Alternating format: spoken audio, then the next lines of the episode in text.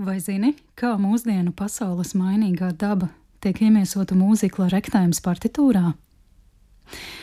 Radošā dueta Stīvena Flahertija un Linnas Ārenas 1998. gada mūziklas rektājums ir viens no spilgtākajiem piemēriem tam, kā ar dziesmas palīdzību saust kopā pat visdažādākos stāstus.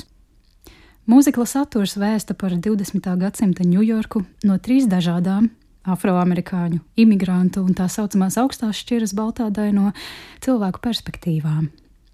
Neskatoties uz galveno varoņu nepārprotamajām atšķirībām, kā dzīves dzīvošanā, tā dzīves skatījumā, mūzikla gaitā viņi krusto ceļus atkal un atkal, kļūstot par viens otra dzīves svarīgu sastāvdaļu, tādējādi atainojot jaunās pasaules, Amerikas mainīgumu.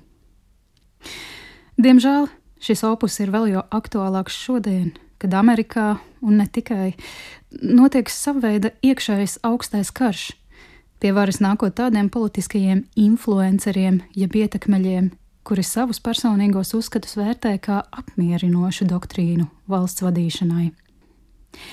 Mūzikla mūzikas autors Stevens Flahertīs sacījis, ka strādājot pie mūzikla radīšanas, mēs sapratām, ka galvenā lielā tēma šajā stāstā ir metamorfoze.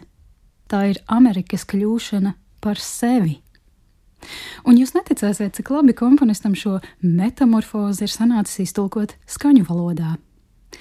Stundu garajā partitūrā mūzika nepārtraukti virzās uz priekšu, attīstās, mainās, gluži tāpat kā kuģi, mašīnas un vilcieni, kas 20. gadsimta sākumā dzēna Ameriku arvien aktīvākā, ātrākā kustībā. Mūzikla pirmie vārdi pieder mātes tēlam, kura stāv kuģu piestātnē un atrodas no sava vīra, kurš dodas ekspedīcijā.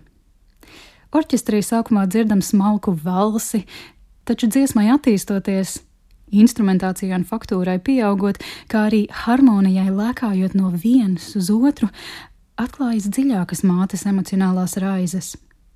Taču interesantākais nāk līdz ar otro ainu.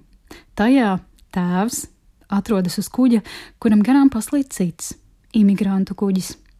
Par spīti tam, ka pirmā un otrā aina ir ļoti dažādas, Flahertīs nolēma tās abas savienot. Mātes dziedājuma beigās dzirdam jauna materiāla pārklāšanos vecajam, un ar šo Flahertīs centies sadarināt viļņojošā ūdens skaņas, atspoguļojot pastāvīgi mainīgās emocionālās traumas galveno varoņu dzīvēm.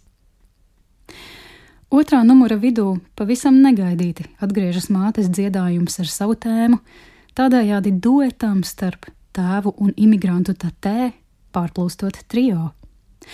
Un kas par efektu tas ir, jo ar mūzikas palīdzību galvenie varoņi tiek savienoti jau mūziklas sākumā, taču saturiski tie satiksies tikai otrajā cēlienā. Līdz ar to metamorfozes šajā mūziklā nenotiek vien saturiski, tās notiek arī mūzikā, tās struktūrā un arī visa narratīva kopējā struktūrā, jo no paša sākuma vēstot, ir bezjēdzīgi noliegt vai censties iznīcināt mūsu visu savstarpējo saikni. Ik katrs no mums ir šīs pasaules daļa.